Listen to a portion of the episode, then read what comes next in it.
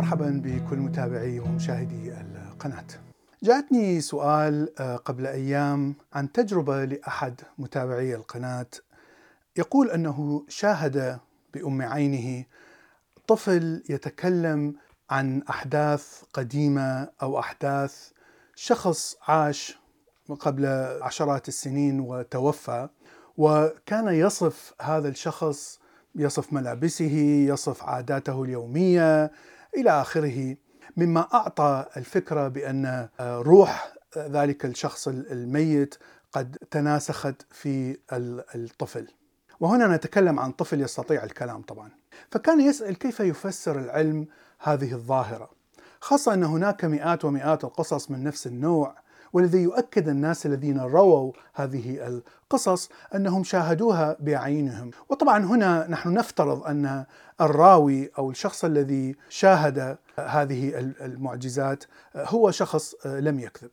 اذا ما هو رأي العلم؟ طبعا هنا شيء مهم أن نعرف أن هناك ظواهر غير مفسرة موجودة في الطبيعة والعلم لا يستطيع أن يفسرها، يعني هذا ليس شيء نادر الوجود. أبسط مثال هو وجود مثلا الثقوب السوداء أو ال black holes.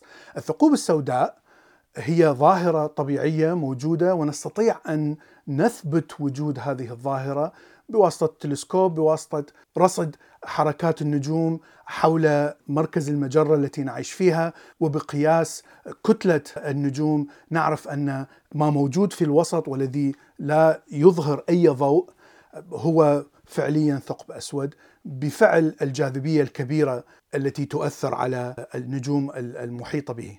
لكن العلم لا يفسر ماذا يحدث داخل الثقب الأسود. لأن نظرية أينشتاين النسبية لا تعمل داخل الثقب الأسود عندما تكون الجاذبية تقريبا ما لا نهاية. فكل شيء يتحول في معادلة أينشتاين إلى ما لا نهاية.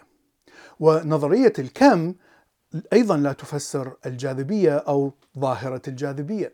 هناك كثير من الافتراضات على أن هناك جسيمات قد تفسر الجاذبية لكن هذه كلها افتراضات ولم تثبت بالتجربة لحد الآن. إذا ما هو تفسير هذه القصة الطفل الذي يتكلم عن شخص عاش قبل عشرات السنين؟ وهنا نقطتين مهمتين يجب أن تؤخذ بنظر الاعتبار قبل أن نعتبر أن هذا الحدث هو صحيح وأن يجب أن نعمل على تفسيره.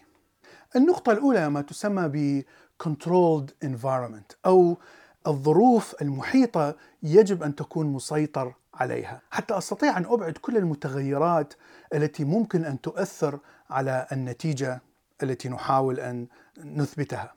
بمعنى أن هذا الطفل قد تكون لديه ذاكرة ليست طبيعية أو من الأطفال النادرين الذين يتذكرون كل التفاصيل التي تمر بهم في حياتهم ونسبة هؤلاء قليل جدا ضئيل ضئيل جدا جدا في المجتمع. لكن إذا كان هذا الطفل يستطيع أن يتذكر كل شيء. قد يكون سمع هذا الكلام أو سمع قصص عن هذا الشخص الميت من العائلة من الجيران أقرباء من المدرسة لأننا لا نعرف لمن يسمع هذا الطفل في في المجتمع. وهذا شيء مهم جدا في التجارب العلمية. لأنك إذا وضعت هذا الطفل مثلا في مكان مغلق تماما وتعرف أنه لا يمكن أن يسمع أشخاص آخرين.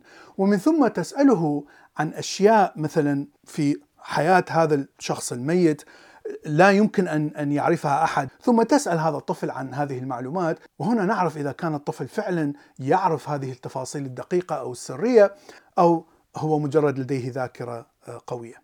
هناك ساحر أمريكي مشهور جدا اسمه راندي أو يسمى بأميزنج راندي.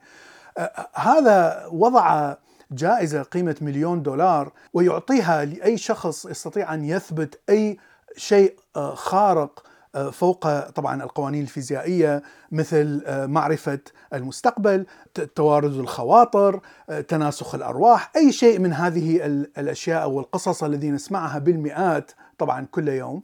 لكن اشترط أن تكون الظروف مسيطر عليها. طبعا هناك آلاف الأشخاص الذين حاولوا أن يأخذوا هذه الجائزة مليون دولار والجائزة كانت موجودة منذ التسعينات القرن الماضي. لكن لم يستطع أحد أن يثبت وجود أي صفة خارقة طبعا لأن الظروف مسيطره عليها. والشيء الثاني الذي يجب أن نضع بنظر الاعتبار عندما نسمع قصص كهذه أننا نفكر بشكل منطقي وعلمي ما هي الاحتمالات التي تفسر هذه الظاهرة. ومن كل هذه الاحتمالات يجب أن نبدأ بفحص كل احتمال وما هو درجة قرابته من الواقع.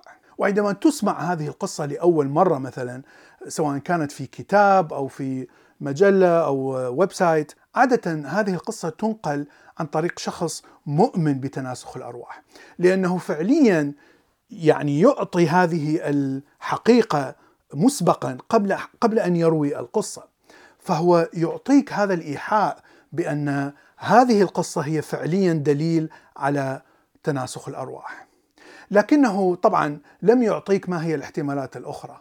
فهنا أنت عندما تسمع هذه القصة وتندهش وهنا أي فكرة آه، غير منطقية وغير عقلانية ستتقبلها بسرعة. كما ذكرنا قد يكون الاحتمال أن الطفل لديه ذاكرة قوية جدا ويعني شيء استثنائي في المجتمع، ليس شيء طبيعي. الاحتمال الآخر أن تكون عملية نصب. الأهل أو الأب والأم يلقنون الطفل هذه الأشياء مما يعرفونها عن هذا الشخص الميت وتكون عملية نصب. وطبعا عمليات النصب منتشرة بشكل كبير لمحاولة إثبات دليل على المعجزات والأشياء الخارقة. والاحتمال الثالث قد يكون تناسخ أرواح. الاحتمال الرابع قد يكون هناك اتصال معين ما بين روح هذا الشخص وروح هذا الطفل. قد لا تكون الروح الشخص هذا سكنت داخل روح الطفل. فإذا هناك كثير من الاحتمالات كثير منها طبعا فوق القوانين الفيزيائية قليل منها يتبع القوانين الفيزيائية. وهذا الشيء مع الأسف العقل الإنسان دائما يحاول أن يفسر آه، الظواهر ويفسر القصص والأشياء الغامضة في القصص بشكل سريع خاصة إذا كان مقتنع بالأشياء الروحانية. إذا كنت مقتنع بالأرواح فسوف تفسرها على أنها أرواح آه، تتكلم فيما بينها. إذا كنت مقتنع بالتناسخ فتفسرها على أن تناسخ. ولا تحاول أن تفكر بما هي الاحتمالات وإلى آخره لأن تفكيرك بالاحتمالات يحتاج إلى طاقة في الدماغ ان ان أن تتحرك وتفكر. ودماغنا يحاول أن يقلل من كمية الطاقة المستخدمة ولهذا دائما نستخدم القرارات السريعة عادة تكون خاطئة لكنها سريعة وعادة تكون مرضية متوافقة مع الأشياء التي نقتنع ونؤمن بها. وهذا بالضبط ما حدث معي أنا شخصيا لأنني عندما سمعت هذه القصة أنا فعليا شخص مقتنع بالفلسفة المادية والتفسير المادي للكون. فإذا الفكرة المادية هي التي سوف تتغلب على تفكيري وقد أقول بشكل سريع أن هذه عملية نصب. لكن طبعا هذا خطأ. يجب أن نفكر بكل الاحتمالات الممكنة ومن ثم ننظر إلى كل احتمال كما ذكرنا. وهناك نيزك اقترب من الأرض قبل سنة أو سنتين اسمه أموا موا وهذا النيزك كان شكله مستطيل وهذا شيء غير طبيعي لأن النيازك عادة تكون شكلها كروية أو كروية عشوائية. فكثير قالوا أن هذه سفينة أتت من كائنات عاقلة يعني خارج الأرض. طبعا هذا الافتراض هو ممكن لكنه ليس هو الافتراض الوحيد. وظهرت دراسات استطاعت أن تثبت أن من الممكن أن تنتج نيازك بشكل مستطيل. قد لا يكون احتمال إنتاج هذه النيازك مرتفع لكنه موجود وعملية طبيعية لتكوين هذه النيازك اذا أقرب إلى المنطق بكثير أو إلى الواقع من وجود كائنات عاقلة خارج الأرض وبعثوا بسفينة فضائية. طبعا هذا لا يعني أن أنه لا يوجد كائنات عاقلة لكن نفس الفكرة يجب أن ننظر إلى كل الاحتمالات ومن ثم نخرج بالاحتمال الأقرب إلى المنطق. أرجو أن تكون هذه الحلقة مفيدة، شكرا لكم وإلى اللقاء في حلقة